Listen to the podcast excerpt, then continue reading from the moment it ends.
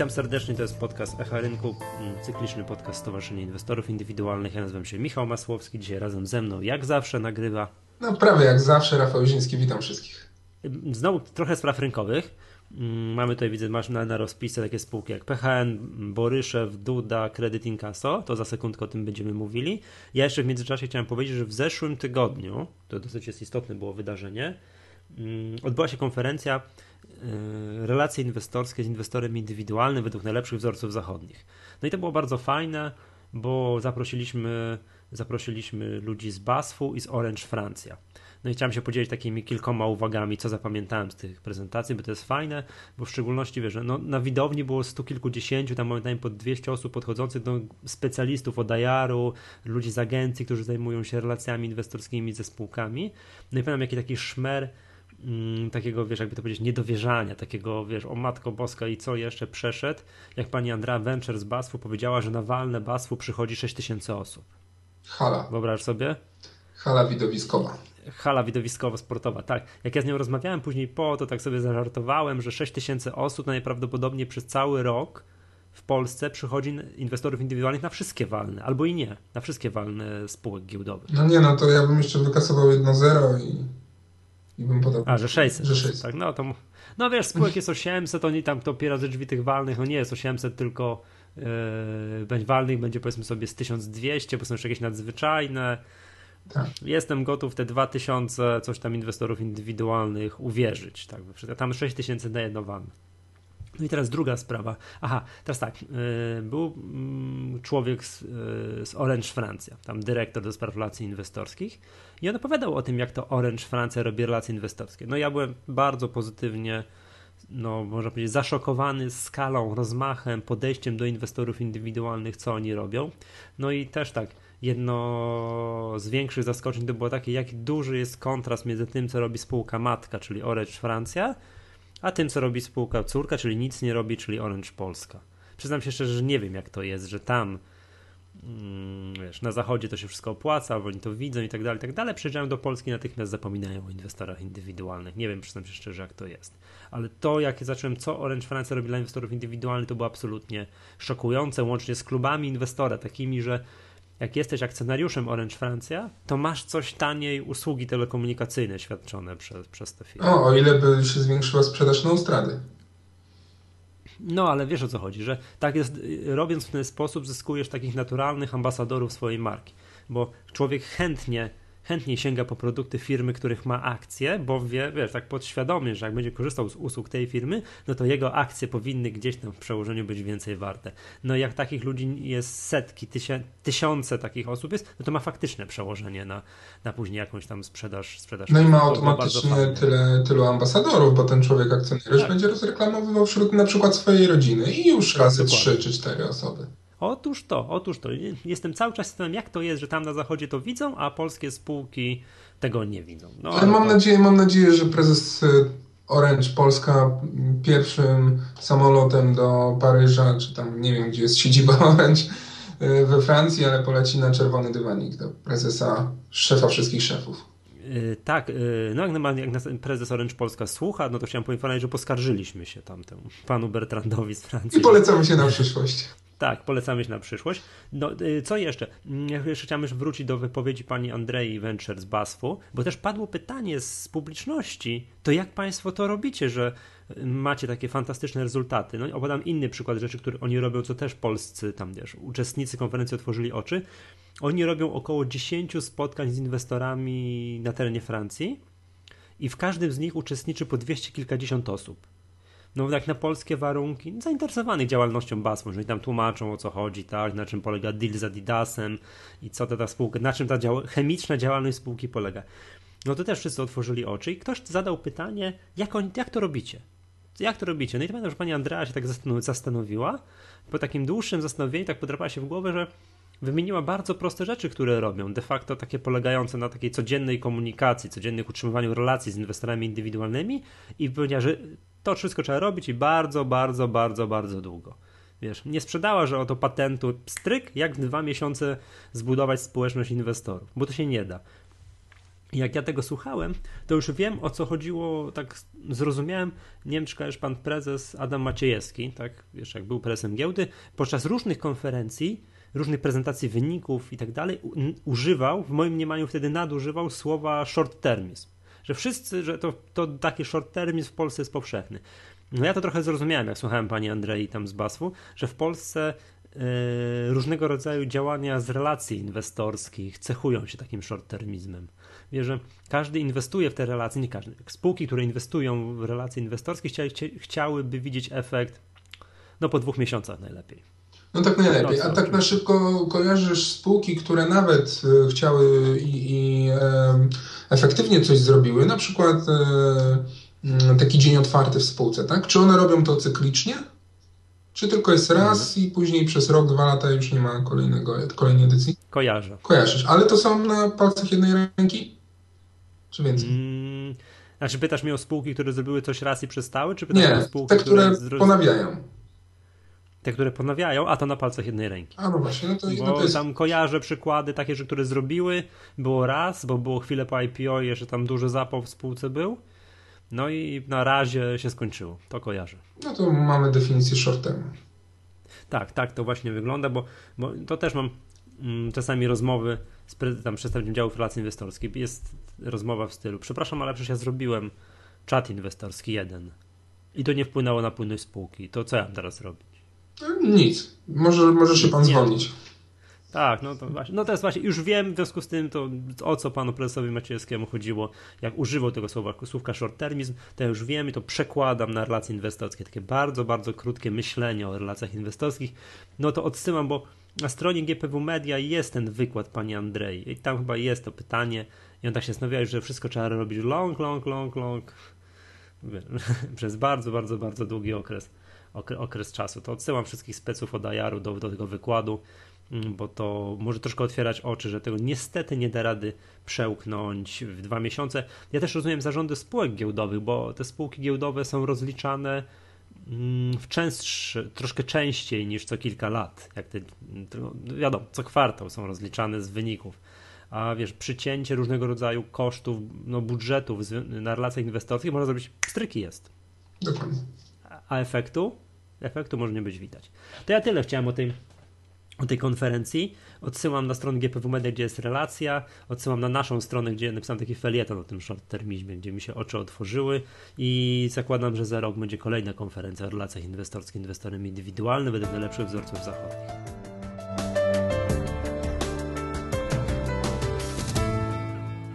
Dobra. Rafał, to przejdźmy może do tych tematów yy, związanych, już stricte rynkowych. Chciałbym, żebyś powiedział o PHN-ie. No duży debiut swego czasu ale jak tak spojrzałem na wykres, no to, no to tak smutno muszę ci powiedzieć wyglądał. Wygląda przez ostatnie no pół roku. No teraz raczej troszkę odbiło, no ale wiadomo, tak, to ten kurs po 19 zł naj, najszczęśliwszy przez, przez moment nie był. Jakbyś mógł powiedzieć, co tam się w PHN stało, bo zdaje się tam jakieś, jakieś nowe wielkie otwarcie, o ile, dobrze ja, o ile ja dobrze kojarzę. Mm, ciężko powiedzieć, że to będzie nowe wielkie otwarcie. No PHN jako taki holding nieruchomości skupiający bardzo dużo różnych nieruchomości w jednym tworze. No, to był jakiś taki plan e, Ministerstwa Skarbu Państwa, żeby takie ich nieruchomości w, wrzucić do jednego worka, zrobić taką spółkę jak PHN i ją dalej sprywatyzować. Efekt był taki, że ta prywatyzacja wciąż nie dobiegła końca, bo e, Skarb Państwa ma wciąż y, ponad y, dokładnie 73% akcji PHN-u. Pozostała część jest już y, w rękach tych drobnych akcjonariuszy i spółka jest notowana na giełdzie. Debiut był e, akcji po, znaczy akcje były sprzedawane w ofercie po 22 zł. E, kilka tygodni temu cena zbliżyła się, nawet już spadła poniżej 20 zł. Więc już była znacznie poniżej oferty. E, a pamiętajmy, że redukcja przy zapisach wynosi, wyniosła 69%, więc bardzo dużo. Dywidenda za poprzedni rok wyniosła 2 zł 16 groszy, więc też y, stopa dywidendy e, była, była wysoka, tylko że wówczas pamiętam ten, ten, ten kurs akcji był po 26-27 nawet, jak, jak widzisz na wykresie. Więc ta stopa dywidendy tam ponad 7-8% e, wyniosła.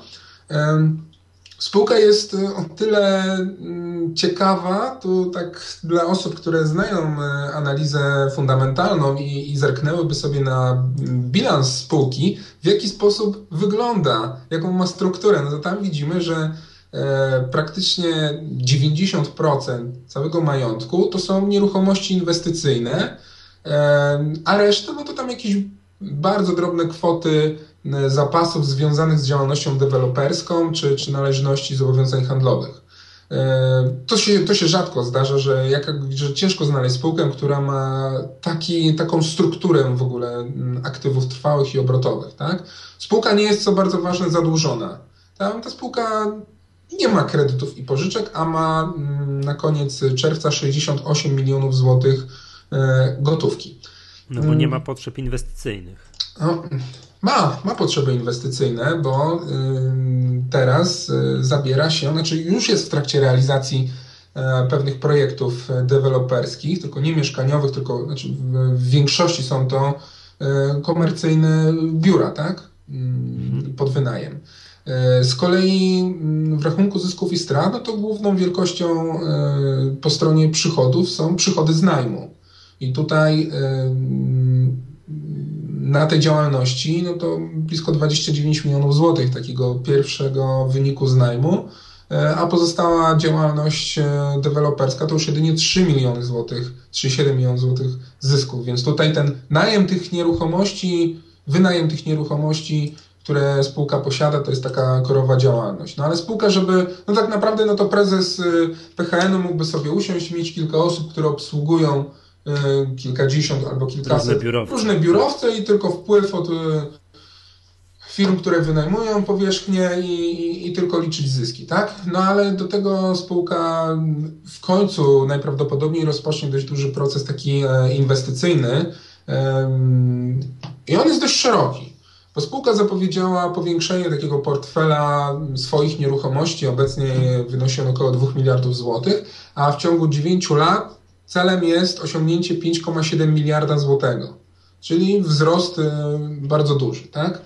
Mm, przede wszystkim mają być y, budowane i realizowane projekty właśnie takie mm, komercyjne, y, ale nie tylko biurowe, oprócz tego również handlowe i magazynowe. Tutaj taki przykład to jest wrocławski Industrial Park, gdzie, gdzie, będą, gdzie są i będą wynajmowane w przyszłości magazyny, a z takim... Wstydem się przyznajmy, że jestem z Wrocławia, że nie wiem, gdzie to jest. No, Okej, okay.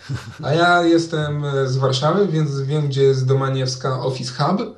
To jest y, vis-a-vis Galerii Mokotów, więc takie naprawdę mocne centrum y, biurowo-handlowe.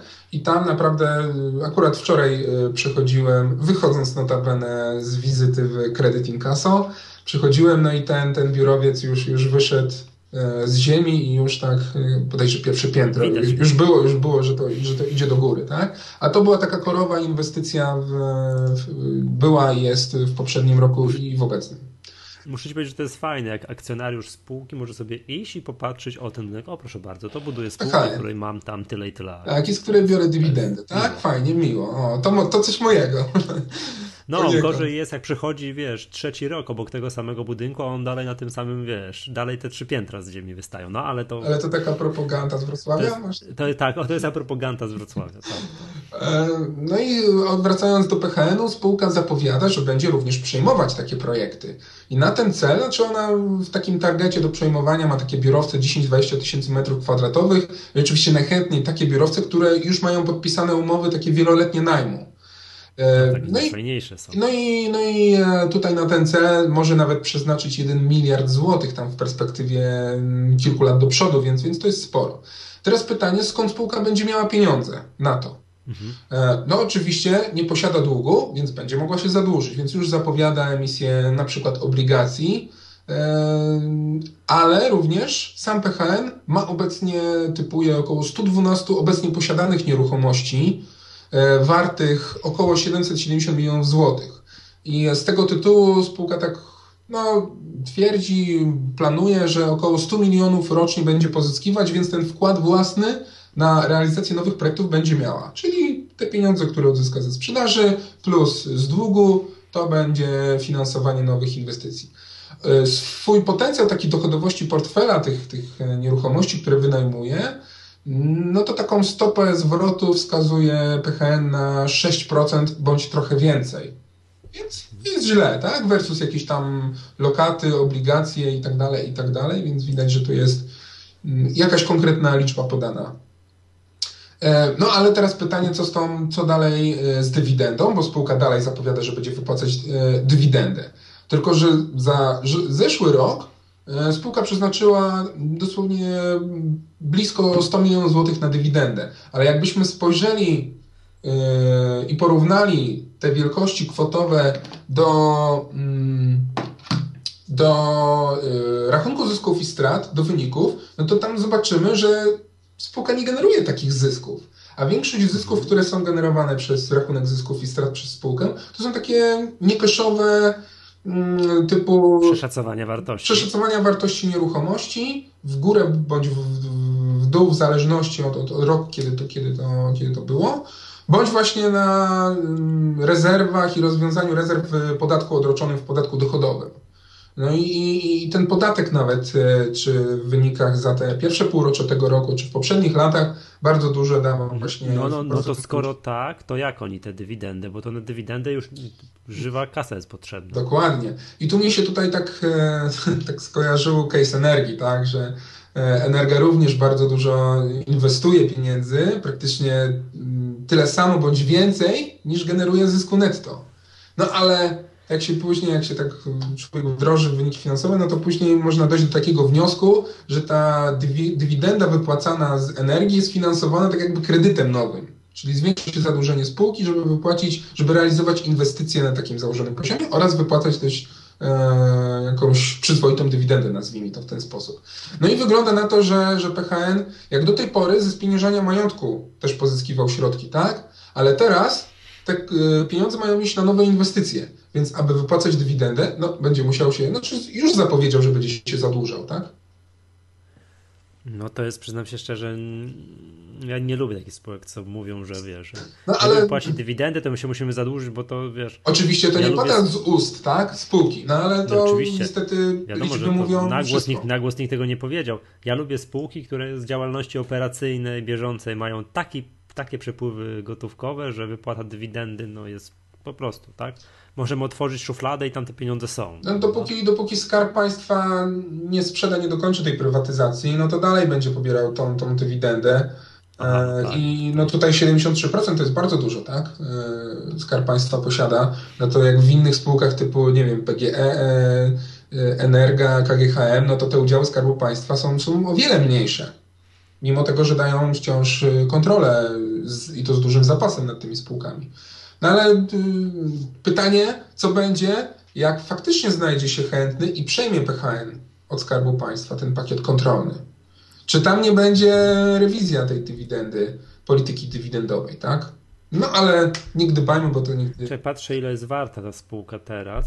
No miliard. Miliard, a aktywa netto, bo praktycznie spółka nie ma kapitału obcego, to jest 2 miliardy. C do WK 0,5, tak? Więc pod względem takich fajnie. wartości wygląda przyjemnie dla oka, tak? Żeby tutaj nie używać tych słów zakazanych przez KNF jako rekomendacje. Mm. Dobra. Okej, okay, dobra, no wiesz co, to jest fajnie, zawsze myślę taki biznes, bo patrz jak deweloperski, w cudzysłowie, nie? Tak. Zarządzania i tak dalej. Mm, jak rozmawialiśmy o deweloperach takich mieszkaniowych, to ja się łapałem za głowę i po twoich wyjaśnieniach już wiem, że nigdy w żadnego dewelopera nie zainwestuję, a nie dlatego, że to jest słaby biznes, bo, jak się, bo to może być dobry biznes, tylko że to jest biznes dramatycznie ciężki do analizy przez inwestora indywidualnego. A takie coś, że budujemy, mamy biura, które wynajmujemy i to przynosi takie stopy zwrotu, tak jak mówiłeś, 6-7%, to jest yy, moim zdaniem łatwiejsze do zrozumienia. Aha, dobra, okay, wybudowaliśmy budynek, tak, kosztowało to tyle i później rentowność z tego cyk, cyk, cyk, cyk, cyk, cyk, cyk, cyk sobie tam, wiesz, w, w określonych takich, wiesz, dających się przewidzieć yy, ramach yy, istnieje. No tak, no, przy takich spółkach w cudzysłowie nieruchomościowych, no to są dwa rodzaje zagrożeń. Pierwszy rodzaj zagrożenia jest taki, że no, my jako inwestorzy nie jesteśmy do końca w stanie zweryfikować, czy wyceny poszczególnych nieruchomości w księgach spółki są poniżej czy powyżej takiej realnej wartości, tak? No, na razie. Ale to de facto spół... nas nie powinno interesować, bo taka spółka przecież nie zamierza się pozbywać takiej nieruchomości, no tam wiadomo, w jakichś skrajnych przypadkach, tylko ma zamiar czerpać przychody z wynajmu. To nas powinno interesować, że inwestycja kosztowała tam tyle i tyle set milionów złotych, a rok rocznie przynosi z tych wynajmów tyle i tyle tam dziesiątku, dziesiątek milionów. No to, to, to tak nie do końca, nie do końca. Bo to a to czy to jest warta ta, wiesz, te, czy ten budyneczek jest warty 100 milionów czy 150 milionów, no to.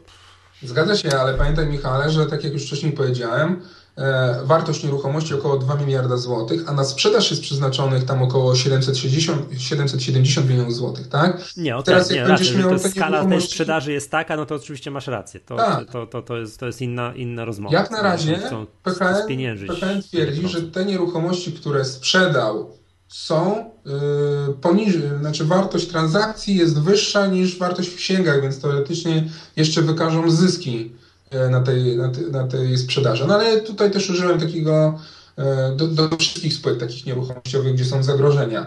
A drugi ten rodzaj większego zagrożenia dla, dla akcjonariusza, dla inwestora mhm. wpływających na wycenę akcji, to jest to, że e, wynik netto, skoro dość mocno zależy od przeszacowania wartości nieruchomości, a przeszacowanie wartości nieruchomości w głównej mierze, takie na wynajem, zależy od wysokości stawek najmu.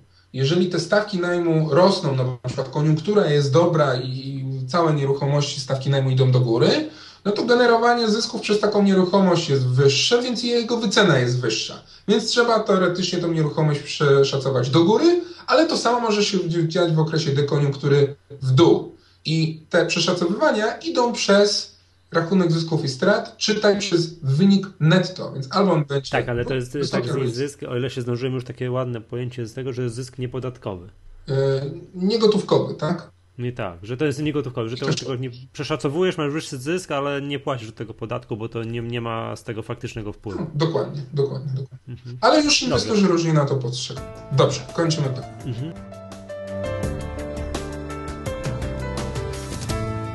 Dobra, e, to tyle o PHN. Kolejny temat. Boryszew. A Boryszew, e, spółka, która... Jedna z ulubionych spółek, o ileż to już polskich inwestorów. No Boryszew bardzo, bardzo modny był, ileż to już lat, dokładnie. I tutaj nazwisko Kosika, czyli głównego e, udziałowca, akcjonariusza Boryszewa, e, no, jest bardzo sławny. I Boryszew zamilkł. Znaczy zamilkł tutaj pod względem dynamiki kursu akcji, tak? Ten kurs e, przed resplitem oscylował mm, tak w okolicach 40 groszy plus minus 10-15% przez bardzo długi okres czasu. Po resplicie 1 do 10 ten kurs tak po około 5 zł tak się zatrzymał i, i, i dalej stał w miejscu. No ale teraz widzimy, że ten kurs e, drgnął, drgnął. Teraz jest, e, spojrzałeś Michale szybko na wykres? Tak. 50? Tak. tak. 6,50, więc tutaj z poziomu no, tam okolic 5 zł do 6,50 to jest 30%. A dalej cisza w mediach. No, niewiele się, niewiele słychać, niewiele się mówi o, o tej spółce. My niedawno też pisaliśmy mm, update raportu ciekawe spółki o Baryszewie i tam zwracaliśmy na kilka case'ów y, uwagę, ale mieliśmy wyniki finansowe Boryszewa za pierwsze półrocze dość niedawno. No i tam widzimy naprawdę taką solidną, fundamentalną, typową poprawę, tak? Bo zysk operacyjny z 47 milionów złotych z pierwszego półrocza 2013 z 47 rośnie do 79, więc mm, ponad połowę więcej.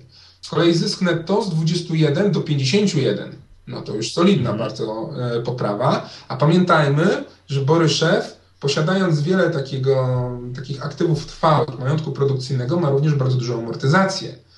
I y, skoro ten zysk netto wyniósł 51 milionów złotych, zysk operacyjny 79, a wartość amortyzacji wynosi 50 milionów złotych, to tutaj jest jeszcze większy taki zysk na poziomie EBITDA, dość, dość mocno znaczący. Więc tak jak sobie tu siedzimy, rozmawiamy, to właśnie widzę Boryszew 6,54 roczne maksimum. No dokładnie, więc y, ja tak jak patrzę na notowania, to ten Boryszew tak sobie rósł codziennie o 1, 1,5% do góry, no ale jak to rośnie już wiele, wiele dni i tak 30% w ciągu, nie wiem, tam dwóch, trzech miesięcy, tak, e, to, to dość ładnie to urosło. Co najważniejsze, w wynikach finansowych się pokazało, że mm, te niszowe segmenty utrzymały poziom sprawności bądź delikatnie podniosły. Ale dwie największe nogi, które ma Boryszew, to jest segment e, metali aluminiowy oraz automotive. Automotive, mhm. który mm, jak sam zarząd Boryszewa czy Karkosik mówi, że to będzie taka przyszłość Boryszewa i na tym się koncentrują. Tak? No i to widać, bo w ostatnim czasie Boryszew sprzedał fabrykę klejów, czyli taka działalność, która tam była kiedyś ważna, teraz już jest nagle dużo mniejsza, jak ten automotive wszedł.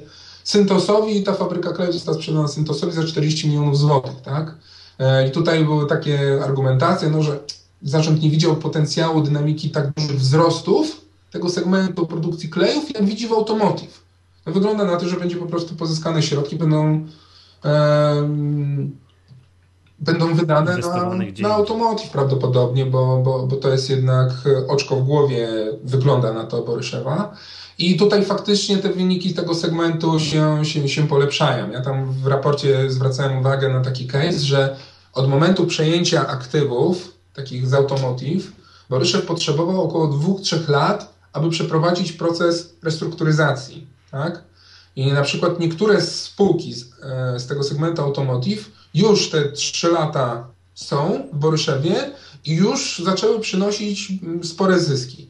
Ostatnio przejmowane aktywa, mm, czy choćby w Polsce od Japończyków i tak dalej, muszą dopiero przejść tą drogę restrukturyzacji i tak dalej. To jest pierwszy, pierwsza rzecz. Druga rzecz, pamiętajmy, że taką specyfiku, specyfikiem segmentu automotive jest to, że przy podpisaniu nowego kontraktu, chociażby dla Volkswagena, który jest największym zamawiającym od Boryszewa, to największe rentowności kilkuletniego kontraktu są osiągane na jego początku, a w kolejnych latach te rentowności już spadają.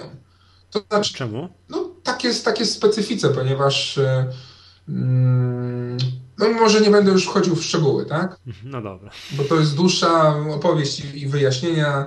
E, bardzo chętnie panowie z relacji inwestorskich Boryszewa mogą to wyjaśnić, jeżeli ktoś będzie chciał się dowiedzieć szczegółów. E, mm, I teraz mając to na uwadze, to bardzo ważna jest struktura wiekowa nowych kontraktów, w ogóle portfela zamówień z Automotive, tak? Jeśli masz dużo nowych zleceń, a Boryszew teraz faktycznie coraz więcej zleceń pozyskuje, to później struktura wiekowa będzie taka pozytywna, że masz dużo kontraktów na wczesnym etapie, gdzie rentowność jest wyższa, tak? E, I, i, I, to jest między innymi również e, taki, taki etap mm, tego segmentu Boryszewa, który e, będzie wspomagał zyskowność tego segmentu. No i tam docelowo obecnie tam mm, portfel zleceń z Automotive w perspektywie 3 lat to jest 2 miliardy euro. Ten portfel ma być jeszcze znacznie więcej warty, takie są zapowiedzi spółki. W pierwszym półroczu przychody to były niecałe 500 milionów złotych, z tego co, co pamiętam, tego segmentu mm, automotive. E, spada zadłużenie całego Boryszewa, bo to z e, taki dług netto do EBITDA z 4,6 spadł do 3,5. To jest dość, dość znaczna obniżka. Tam była emisja akcji Boryszewa właśnie w celu e, te pieniądze pozyskane niedawno z emisji akcji nowych były właśnie mm, przeznaczone na, na spłatę zadłużenia, więc niższe koszty odsetkowe. To również będzie wpływało pozytywnie na rentowność. No i ten segment z kolei e, aluminium konin, tak? Huta aluminium w Koninie.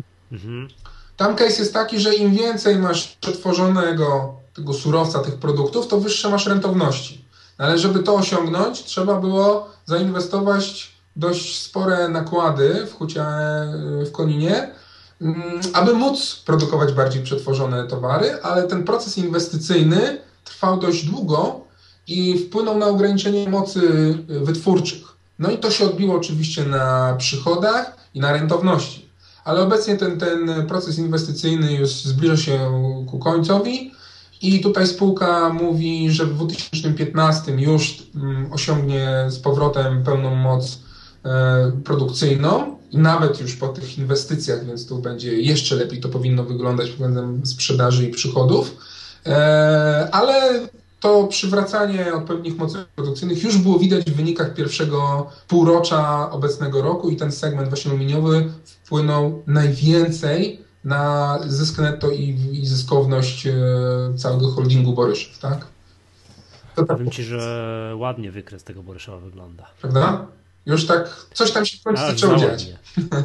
Słucham? W końcu się coś zaczę, zaczęło dziać Aż- na, na wykresie bocznym. No, aż za ładnie, bo on praktycznie od końca kwietnia bez prawie żadnej korekty, jak od linijeczki rośnie. No, przełamanie trendów spadkowych. Tam, tam linie, jak ktoś e, potrafi, nie jest to aż tak dość mocno trudne wyrysować e, linię trendu spadkowego, ale to widać i nawet bez korekty idzie cały czas e, do góry.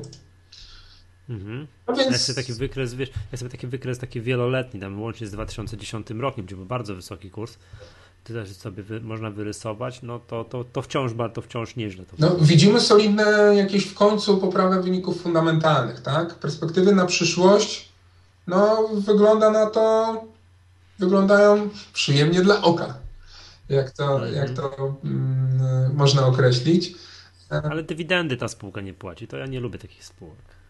A widzisz, ale dywidendy nie płaci, bo mocno inwestuje. No, coś wiem, wiadomo, coś za coś. Dokładnie. No i ma bardzo duże zadłużenie, więc tutaj dywidenda i duże zadłużenie niestety nie idzie w parze. No, to, to jest akurat oczywista sprawa.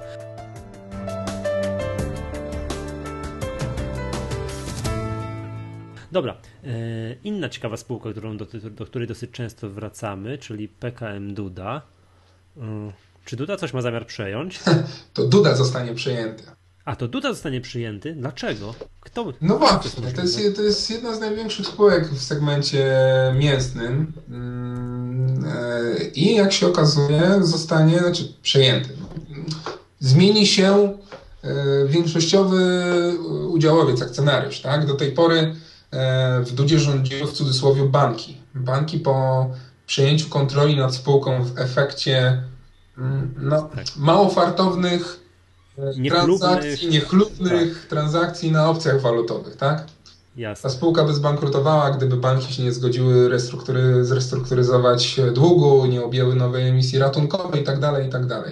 I te banki e, przez kilka lat, e, zatrudniając nowy zarząd, postawiły właśnie cel. No dla banków najważniejsze było odzyskanie kredytów, które, które były udzielone wcześniej, prawda? I to był priorytet i, i było głośno mówione wprost. No i Duda niestety tak m- musiała się czołgać, że tak powiem, przytłoczona sufitem tego zadłużenia. E, Polegało to na tym, że każda gotówka, która była generowana przez, przez, przez spółkę, była po prostu przeznaczana na spłatę tych kredytów. Tam harmonogram spłat kredytów był, był, był, był straszny. Spółka tak e, z dotychczasowymi warunkami kredytowymi, no to ona miała spłacić do końca 2015 roku od momentu obecnego 70 milionów złotych. E, A przypomnijmy, że sam zysk netto w 2013 wyniósł 23 miliony złotych. No, Znaczy, skala nieporównywalna. znacznie więcej trzeba mm, spłacać niż, niż generuje spółka zysk, a ten zysk jeszcze był znacznie niższy w poprzednich latach. E, Więc oznaczało to tyle, że no, okej, jest to również spółka posiadająca aktywa produkcyjne, czytaj dość spora amortyzacja, więc ta spółka wartość amortyzacji nie mogła reinwestować chociażby w samo odtworzenie majątku, nie w inwestycje w nowy majątek, w odtworzenie majątku zuży, zużytego, zużywanego się, musiała to przeznaczyć na, na, na spłatę kredytów, tak? Więc no, takie możliwości y, rozwijania poprzez inwestycje były zablokowane. Więc zarząd do tej pory restrukturyzował tę spółkę poprzez y, restrukturyzację taką, o, tutaj część osób z umów o pracę wrzucimy na zlecenie, zredukujemy część zatrudnienia, może zmienimy politykę na przykład skupu żywca, y, może troszeczkę nie będziemy... Wydłużymy terminy płatności. O, dokładnie. E, Tutaj spółka odeszła, nowy zarząd odszedł tutaj od takiej polityki, która była wcześniej stosowana, czyli robimy wszystko, żeby jak najwięcej sprzedawać, ale kosztem marży. I teraz to się odwróciło. Odwróciło się to, że spółka nie idzie w maksymalizację sprzedaży, tylko koncentruje się na kontraktach o wyższej marży. Tak? Mhm. E, Więc to już pozwoliło również na wygenerowanie wyższych zysków. No ale co najważniejsze, e, wzywającym na akcję Dudy jest Cedrup. Przepraszam cię, oni są po, po resplicie? Yy, Duda tak. Duda jest Tak, po mhm. resplicie Okej. również 1 do 10. E, Spółka Cedrup no to jest taka firma numer jeden w mięsie zdrobiu z kurczaczków. E, No. I ona również, ta spółka powstała kiedyś się skrzyknęli się właściciele fermy kurzych, jak to ładnie brzmi, i, i stworzyli taki, taką, taką dużą grupę. No i ten Cedrup y, pod względem przychodów również tam ma około tam 2 miliardów złotych, czyli jest mniej więcej taki sam jak Duda.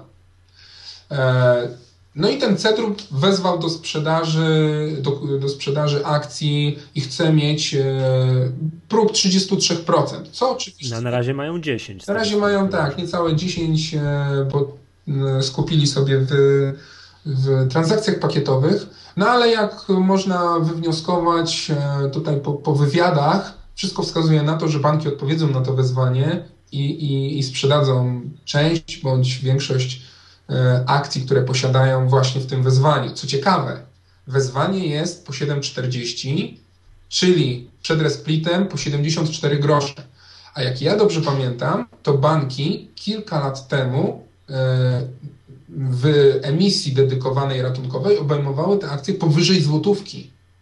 Oznacza to, że banki stracą naprawdę wiele, grube kilkadziesiąt procent, plus jeszcze inflacja i tak dalej. A ta emisja ratunkowa to dobrze kojarzy lata 2008-2009. Dokładnie. Czyli tam jak po wybuchu Lemana, nie no to nie, po już po, po, po ujawnieniu afery toksycznych opcji. Dokładnie. E, więc e, no, banki na tym dobrze nie wyszły, ale ja sobie zrobiłem taką małą kalkulację. E, Cedrup, by osiągnąć, by posiadać 33% akcji, automatycznie mieć władzę w Dudzie, musi wydać na to około 70 milionów złotych. 70 milionów złotych, no to jak sam Cedrup ma 2 miliardy przychodów, to jest tak 3% rentowności netto, tak z kawałkiem. Cedrup, jak patrzyłem no. w KRS-ie, E, nie patrzyłem właśnie w KRS-ie, jaki ma, mm, jaki ma zysk netto, więc nie wiem, jaka, jaka tam jest e, zyskowność, tak? Przepraszam cię, to jest polska spółka? Tak. Właścicielem, właścicielami tam jest kilkunastu akcjonariuszy, którzy wcześniej byli właścicielami swoich firm i swoich aktywów i wrzucili ją do dużej spółki, obejmując akcje, tak? Tak nie mam. No. E, no i po połączeniu tych, tych dwóch spółek będziemy mieli podmiot, który numer jeden w segmencie drobiarskim. Bardzo wysoko bądź najwyżej w segmencie e, wieprzowiny. Tak? E, pamiętajmy, że Duda mm, oprócz tego segmentu wieprzowego ma również segment handlowy oraz produkcji zbóż. Tak? Oni posiadają 2000 hektarów własnej ziemi i, kolejny 1000 w wieczystej, znaczy w dzierżawie mają. Tak? Więc, więc bardzo dużo E, również innych segmentów. Mm. Czekaj, o ile dobrze tutaj dedukuję Twój tok myślenia, chciałbyś zasugerować, że to przejęcie Dudy to jest szansa dla spółki, że nowy, silny finansowo właściciel. Ja inaczej, ja uważam, że y, to Cedrup robi super interes na tym. Cedrup robi super interes. No bo przejmuje za dość niewielkie, jak na skalę swojej spółki, firmę, która jest jego wielkością. Cedrupu. Ale, ale czekaj, ale czekaj, zadłużenie. E, no właśnie, zadłużenie. Jak wygląda zadłużenie? No bo to wiesz, przyjmuje się ze wszystkimi, tak wiesz. E, Duda bardzo mocno... Ze, ze wszystkim I, i, i z aktywami, które Oczywiście. próbujesz dowiedzieć, że są fajne, jak i z zadłużeniem. E, zadłużenie Duda dość mocno, bardzo mocno zredukowało w ostatnim czasie. I, i, i te wskaźniki Dudy to obecnie jest dług netto do EBITDA 2,6, jeśli dobrze pamiętam, czyli znacznie niżej od Boryszewa na przykład.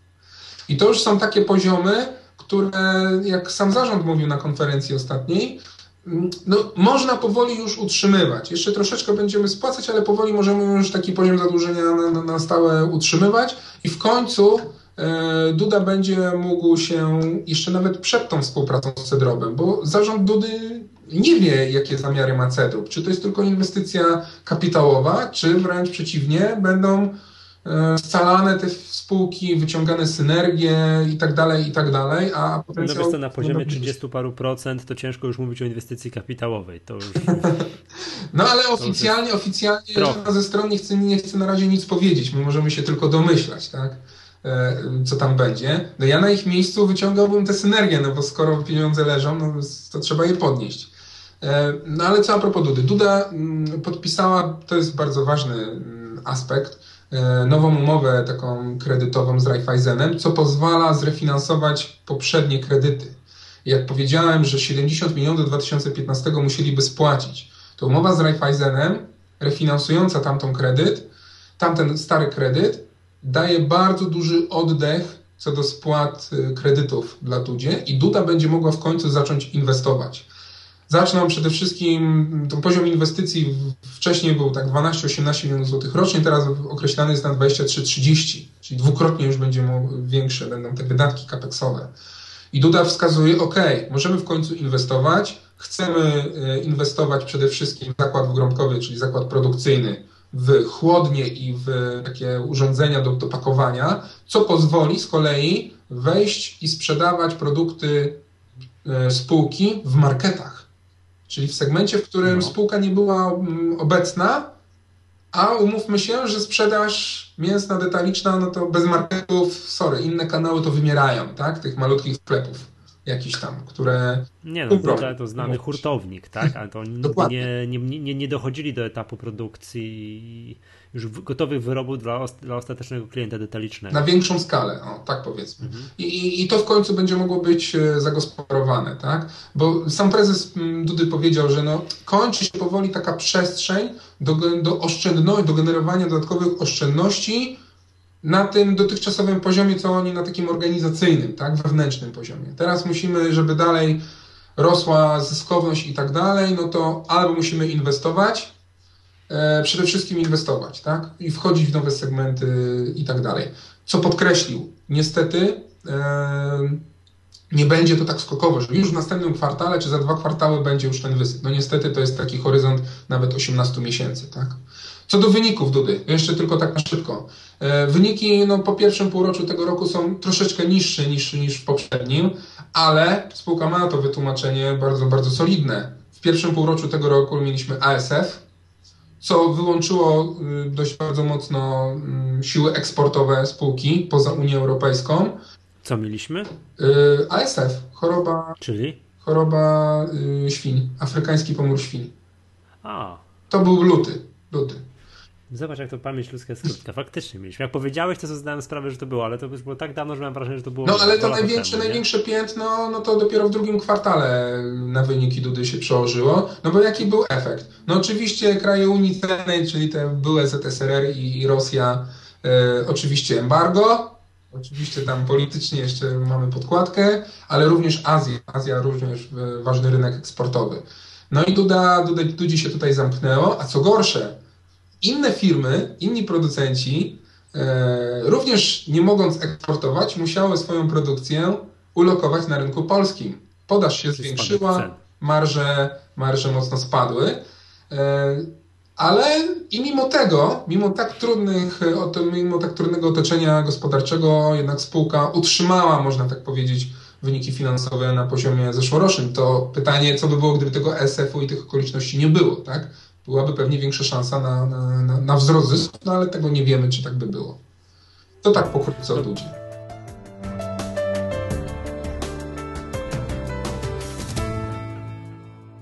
Dobra, Rafał, już zbliżajmy się do szczęśliwego końca. Patrzę tutaj po czasie nagrania. Chciałbym, żebyś zapowiedział raport analityczny, który się, się pisze tak, w trakcie przygotowywania.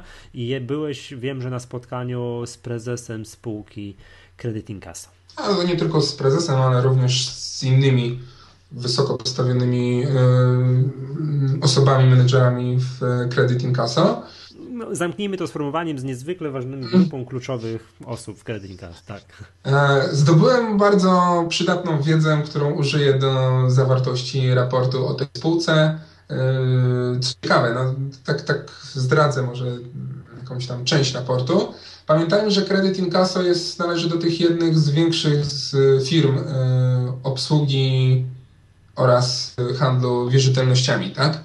E, no, pytanie jest takie, dlaczego mniejsi windykatorzy, w cudzysłowie, e, są wyceniani atrakcyjniej niż ci więksi, typu Kruk czy, czy Credit Incasso, patrzeć chociażby... Mi się wydaje, że ci mniejsi mogą precyzyjniej wybierać sobie e, pakiety wierzytelności, które kupują tam od telekomów czy od innych spółek, a ci duzi przez skalę działania biorą i te bardziej marżowe, i te mniej marżowe. Jest totalnie przeciwnie niż to, co powiedziałeś. Tak? Tak. No to, to oświeć. E, trend jest taki, że ci mali windykatorzy posiadający, posiadający mniejsze zdolności finansowe e, startują do przetargów, do pakietów wierzytelności o mniejsze, gdzie po prostu za mniejszą kwotę można kupić mniejszy pakiet wierzytelności.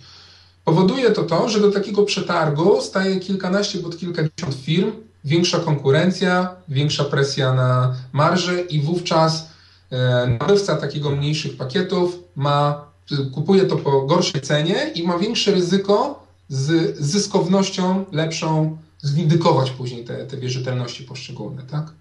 A więksi windykatorzy typu Credit Incasso, które bardzo mocno koncentruje się teraz na rynku rumuńskim, gdzie, ma, gdzie jest w top 3 yy, tamtych spółek ze swojego segmentu, uważa, że tamte rentowności są, będą wyższe yy, i są obecnie i będą wyższe niż na rynku polskim i, i w ten sposób mogą sobie dywersyfikować źródła przychodów, E, i automatycznie osiągać wyższe zyskowności rentowności od niższych spółek. Bardzo ciekawy jest również case działalności spółki córki w Rosji, Credit Incasso, który niedawno, która ta spółka została niedawno kupiona, bardzo niedawno. Mhm. Dobra, to, ten raport, to już nie mówmy więcej o Credit bo, bo piszesz, jak zdradzisz wszystko z tego raportu, to nikt nie będzie chciał go czytać. No, ale to jest tylko zalążek informacji, który będzie ujęty e, w tym raporcie. Myślę, że to jest e, koniec września. Tak, ja pamiętam, że jedyne o kredynkacju takie słów zakończy, y, końcowe, ja pamiętam, że kiedyś w którymś odcinku podcastu Echa Rynku, ale nie wiem, tak ze 100 odcinków temu, trzeba by tego szukać, rozmawiałem y, z poprzednim prezesem Credit Incasso, taki wywiad robiłem i bardzo mnie zdziwiło, zawsze mi się wydawało, że jak to jest spółka, która zajmuje się no, egzekucją wierzytelności, tak, ściga tych dłużników, że im gorsza koniunktura, im ludzie się bardziej zadłużają i nie spłacają Mm, różnego rodzaju zobowiązań, nie wiem, bo na przykład tracą pracę i tak dalej, tym lepiej dla spółki. No. Tak mi się wydawało. A z drugiej Okazuje strony... się, że jest dokładnie odwrotnie. Jest dokładnie odwrotnie, bo im lepsza koniunktura, im ludzie mają więcej pracy i więcej pieniędzy, tym swobodniej spłacają jakieś stare długi tam, nie wiem, sprzed dwóch lat ktoś tam nie zapłacił jakiegoś rachunku telefonicznego, tak? No ale teraz jest dobra on ma pracę, no to o, no to wezmę i spłacę, prawda? Jakieś tak, to jest, to jest odwrotnie niż, się, niż, niż, niż wówczas myślałem. Czyli... Jednak koniunktura sprzyja tego typu spółkom. Nie, no, nie, nie, daj, nie daj mi się łudzić, bo po prostu to jest dobry argument zarówno na czasy hossy i bessy dla tych firm. Tak? Tak, tak to, tak to bym podsumował.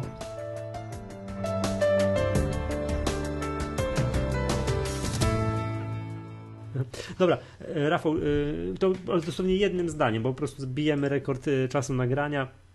Wpisałeś taki temat tutaj do rozmowy, że szósty miesiąc z rzędu ubywa środków w funduszach akcyjnych. Polskich tym, no i co z tego?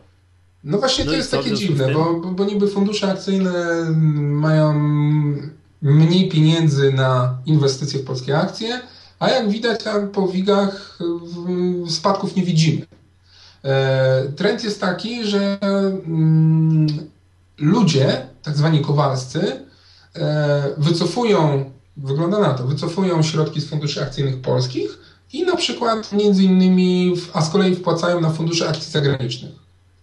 No jak spojrzymy sobie na rentowno, na dynamikę wzrostu na przykład e, amerykańskich indeksów versus polskich, Aha, to będziemy mieli e, odpowiedź, dlaczego tak jest no to brawa dla sprzedawców tych funduszy, no bo ludzie, którzy inwestują w fundusze, no to nie wiedzą takich rzeczy. No to, teraz, to teraz optymistyczny powiew. Co będzie, jak będą dodatnie wpływy do funduszy akcyjnych? Co będzie się działo na polskiej giełdzie? Skoro przy ujemnych stoją, bądź czasami rosną. Ja śmiem twierdzić, że koniunktura na giełdzie nie zależy od yy, tam wiesz, przepływów netto w funduszach akcyjnych czy tam maleje czy rośnie, tylko od tego, czy spółki publikują dobre wyniki. Czy Oj, to bym, to bym polemizował z tobą. Ale to dłuższy temat. No dobra, możemy popolemizować innym razem. Także w krótkim terminie możesz mieć rację, ale w długim to ja mam rację. No może tak. Dobrze. Nie, to jest fajna taka dyskusja, że każdy ma rację, mimo że odmiennych zdań. Dobra. Okej, okay. To wszystko odsyłamy do, do nas na stronę, tam do działów raportów analitycznych, gdzie, gdzie po kolei są te raporty publikowane, do newsroomu, gdzie takie bieżące komentarze na temat spółek no, które kiedyś były raporty, bo które są ciekawe, które są ciekawe, my staramy się zawsze coś, jakiś smaczek wynaleźć. Odsyłamy także nasze forum, gdzie można tutaj cię Rafał molestować i gdzie ty możesz odpowiadać na pytania. Tak Dobra. To co, to wszystko na dzisiaj z tej strony. To był, o, to był podcast Echa Rynku, z tej strony żegna Was Michał Masłowski. I z drugiej Jiżyński Rafał. Pozdrawiam wszystkich.